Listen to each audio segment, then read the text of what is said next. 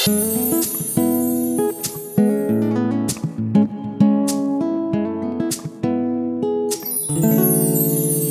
peeps, kita ketemu lagi di podcast This Sesati bareng gue Isal.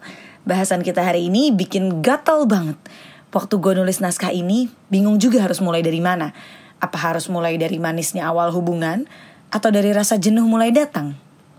Atau mulainya dari sini? Hai, kamu apa kabar? Ah, aku yakin kamu baik-baik saja. Kamu sudah dewasa, tahu cara jaga kesehatan.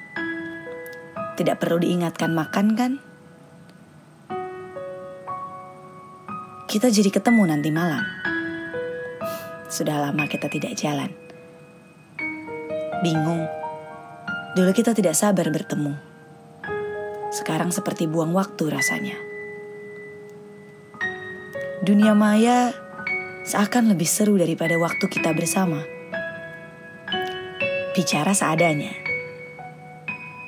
Kadang hening lebih nyaman daripada memaksa memulai kata. Sudah cukup lama kita begini. Tapi mengapa tak juga bisa mengucap usai? Siapa yang sedang merasakan ini? Hayo. Hubungannya seperti hidup segan mati tak mau ya. Dibilang masih sayang, ya mungkin. Tapi ketemu malas. Dibilang nyaman, ya masih. Tapi lebih asik sama teman-teman daripada sama dia. Lebih banyak diem, tapi nggak lagi berantem juga. Capek sebenarnya sama dia. Tapi udah kebiasaan ngobrol sama dia. Kadang-kadang suka lupa kalau ternyata hari ini belum chat sama sekali. Tapi kangen banget juga enggak. Aneh aja, kok dia nggak ada hari ini. Perkaranya hidup bersama adalah tentang kebiasaan. Rasa nyaman itu datangnya dari terbiasa. Setelah hubungan berjalan sekian lama, terbentuklah pola kehidupan yang kamu bangun dengan adanya dia di hidup kamu. Pola yang berulang dan familiar buat kita itu menjadi sebuah kebiasaan. Jadi rasanya nyaman aja. Unfamiliar thing that suddenly comes creates uncertainty and instability in our patterns. Therefore, it troubles us. Hal yang tidak familiar yang datang ke hidup kita secara tiba-tiba membawa ketidakjelasan dan mengganggu kestabilan pola hidup kita. Makanya mengganggu. Tapi kadang rasa mengganggu itu juga baik. Misalnya saat kita naksir orang. Frekuensi yang tidak familiar datang dari orang itu membuat kita jadi tidak pasti. Sebentar tenang, sebentar panik. Terus jadi nggak stabil. Susah konsentrasi misalnya uh, kalau dia ada di sekitar kita. Nggak bisa tidur mikirin dia. Jadinya sebenarnya mengganggu, cuman enak karena kan naksir. Nah, rasa nyaman itu datangnya dari kestabilan pola. Begitu kita akhirnya dekat dengan orang itu, kita yakin bahwa dia pasti mau sama kita, akhirnya mungkin jadi pasangan, rasanya jadi nyaman. Bahkan cinta. Kita bisa menamakan itu cinta. Nah, lalu rasa sayang itu apa? Rasa sayang itu untuk gua bisa diartikan sebagai careness atau kepedulian kita terhadap orang yang memberikan kita rasa nyaman ini.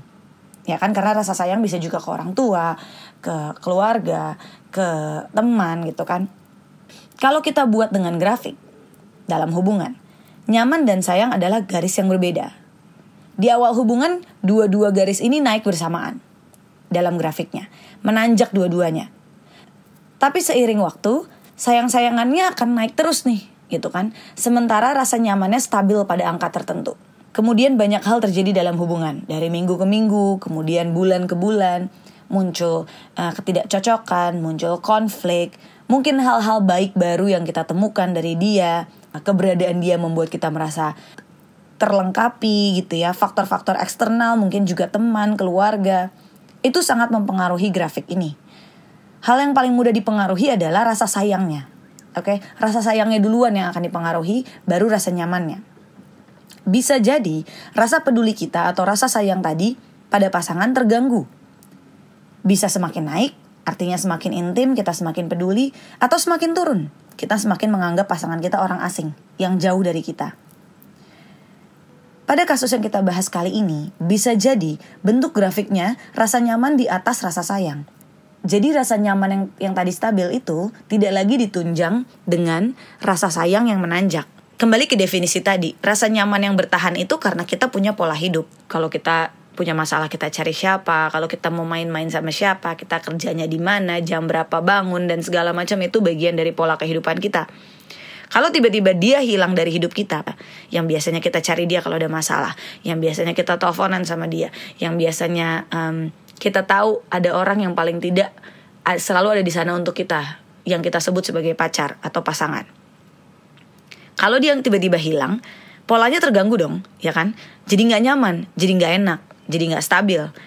Tapi sebenarnya rasa kepedulian kita terhadap pasangan tuh mulai anjlok, sudah menukik turun gitu kan. Jadi nyamannya tetap, tapi sebenarnya rasa sayangnya atau rasa pedulinya turun. Nah pada masa ini muncullah rasa jenuh atau rasa kosong, hilangnya rasa di dalam sebuah hubungan, itulah yang mungkin sedang kamu rasakan saat ini. Jenuh, kosong, sepi, padahal kita masih punya pasangan.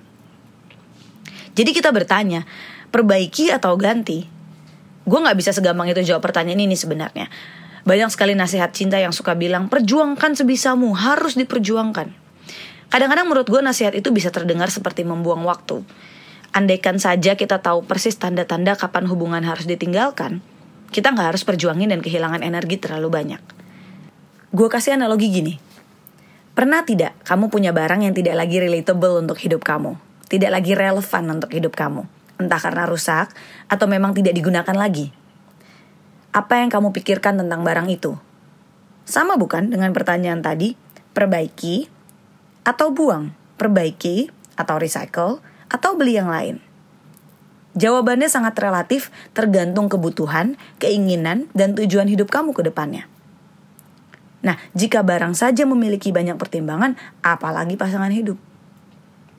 Pasangan hidup kita um, sebelum menikah mungkin ya karena pernikahan punya uh, satu ikatan yang uh, lebih kompleks tapi mungkin dalam masa pacaran ketika pacar kita uh, pasangan kita saat itu tidak lagi relevan untuk hidup kita dengan banyak alasan yang nanti akan gue jelaskan pertimbangannya bagaimana? Perbaiki perbaiki hubungannya atau kita cari yang lain? Oke okay.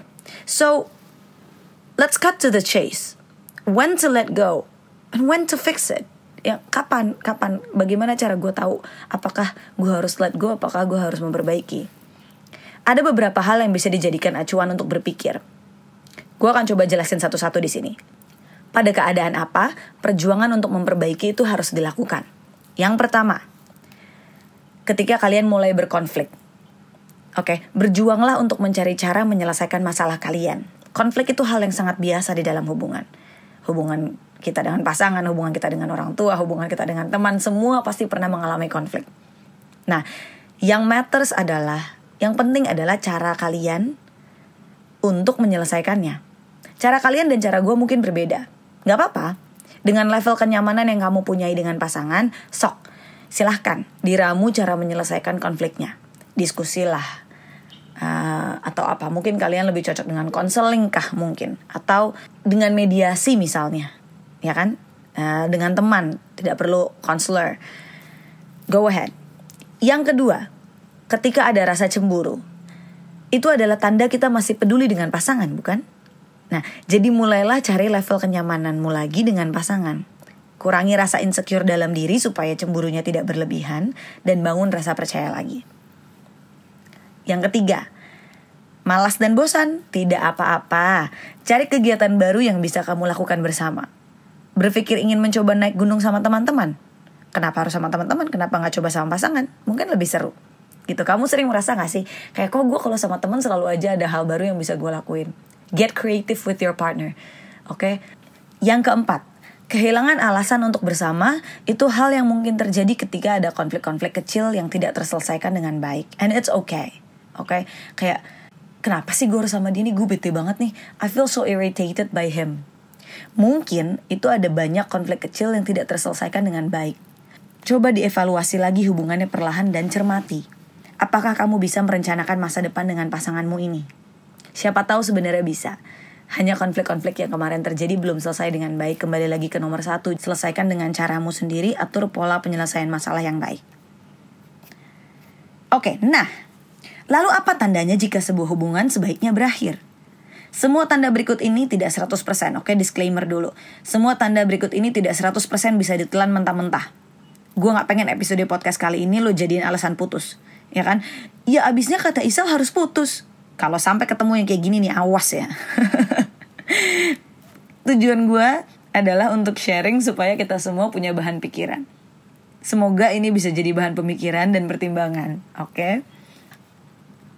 pertama kebiasaan buruk yang kecil-kecil tapi banyak dan sangat mengganggu oke okay? misalnya suka mabuk tidak tepat janji tidak tahu sopan santun dan lain-lain. Itu part of a character. Oke. Okay? Um, tapi dan itu sangat relatif apa yang lo suka dan orang lain suka itu hal yang berbeda jadi mungkin temen lo bisa bilang kayak nggak apa-apa lagi kalau dia agak nggak sopan tapi menurut lo itu sangat mengganggu dan it's a part of a of a person's character itu sulit sekali diubah it takes a lot of time for somebody to change their character dan hal-hal yang sangat mengganggu kamu ini mungkin tidak terlihat di awal hubungan. Jadi sebaiknya deh selesai saja karena memang tidak cocok. Yang kedua, perbedaan prioritas hidup dan rencana masa depan. Keduanya sama-sama punya rencana penting di masa depan. Sayangnya, membuat kalian tidak lagi bisa bersama. Yang satu mau sekolah di luar negeri, yang satu mau stay di, di menetap di tempatnya sekarang. Yang satu mau menikah, yang satu tidak mau ya dua-duanya punya rencana terpisah yang tidak mengizinkan untuk bersama. Mungkin di awal-awal hubungan kita sudah melihat tanda-tanda ini, tapi dianggap tidak penting karena rasa sayang dan rasa nyamannya lagi memuncak. Tapi ini tidak terhindari pada akhirnya. So, might as well let go. Yang ketiga, tekanan pihak eksternal. Saya adalah orang yang sangat mengagumi kemampuan pasangan dalam bertahan dalam hubungan. Meski bertahun-tahun harus berjuang, Misalnya, dilarang orang tua atau lebih buruknya melewati penyakit berat bersama-sama, menanggung sedih kehilangan orang-orang tercinta, masalah finansial dan segala macam itu. Semua hal yang bisa merubah seseorang di saat-saat terpuruk, tapi tetap bisa dilewati bareng-bareng. Itu keren banget. Dan gue sangat mengagumi itu. Sayangnya nggak semua orang bisa ada dalam level kedewasaan di mana mereka bisa cope with their feelings. Ada yang malah berubah jadi orang yang sangat menyebalkan. Misalnya, setelah kehilangan orang tua tiba-tiba dia jadi orang yang sangat-sangat manja, egois, pemarah dan segala macam. Um, everybody cope with their feeling differently, and it's very noble if you want to help that person. Tapi itu menjadi pertimbangan yang sangat besar ketika lo mau memutuskan apakah lo mau melanjutkan hidup dengan orang itu atau enggak. I mean, think about it. If he starts or if she starts to hate her life, or his life. And then she and he hates you for this. He hates you for what happened. You won't want to stay for that. Might as well let go. Help him from afar. Bantu dia dari jauh. Selalu ada di sana untuk dia. Tapi mungkin keputusan untuk um, melepaskan itu adalah yang terbaik. Yang keempat, tidak adanya keterbukaan. Semuanya serba pura-pura Hal ini mungkin terjadi dengan sadar atau dengan tidak sadar. Di bawah hubungan, di awal hubungan kita merubah diri kita menjadi orang yang serba baik. Tentu saja kita ingin pasangan kita menyukai kita kan. Tapi kemudian seiring waktu idealnya kita menjadi lebih terbuka dan kenal pasangan kita lebih dalam. Kenal dia apa adanya ibaratnya. Sayangnya sering banget terjadi sampai kapan pun si pasangan ini tetap pura-pura atau kita tetap pura-pura di dalam hubungan karena kita takut dia berubah pikiran atau segala macam. Tidak menjadi diri sendiri itu bisa sangat-sangat meletihkan loh. Lama-lama capek. Keintiman hubungan datangnya bukan dari inti diri kita, tapi dari pura-pura. Sayang kan? Jadi lebih baik dilepas. Nah, itu baru empat dan empat alasan untuk mungkin stay and fix it atau let go. Masih banyak lagi alasan untuk bertahan maupun untuk pergi. Kamu bisa coba cari bahan bacaan lain lebih jauh tentang ini. Beberapa yang gue ungkapin di atas tadi itu adalah hal-hal yang biasanya gue pikirin kalau mau buat keputusan. Jadi mudah-mudahan membantu. Nah, apa yang harus dilakukan jika kita ingin bertahan? Bagaimana menyiapkan diri kalau kita ingin usai? Hah, masih banyak banget yang harus kita bahas. Tapi tidak kali ini sayangnya. Gue tidak mau ngoceh lebih panjang lagi. Mungkin di episode-episode selanjutnya ya. Gue akan kupas lebih tajam. Edan, monggo ditentukan dulu kamu maunya apa. Kalau kamu juga tidak tahu maunya apa, kita tidak akan ke mana-mana. Di sini aja terus, nggak sampai sama tujuannya. Jadi, perbaiki atau ganti nih. sampai ketemu di podcast desa satu selanjutnya. Dah.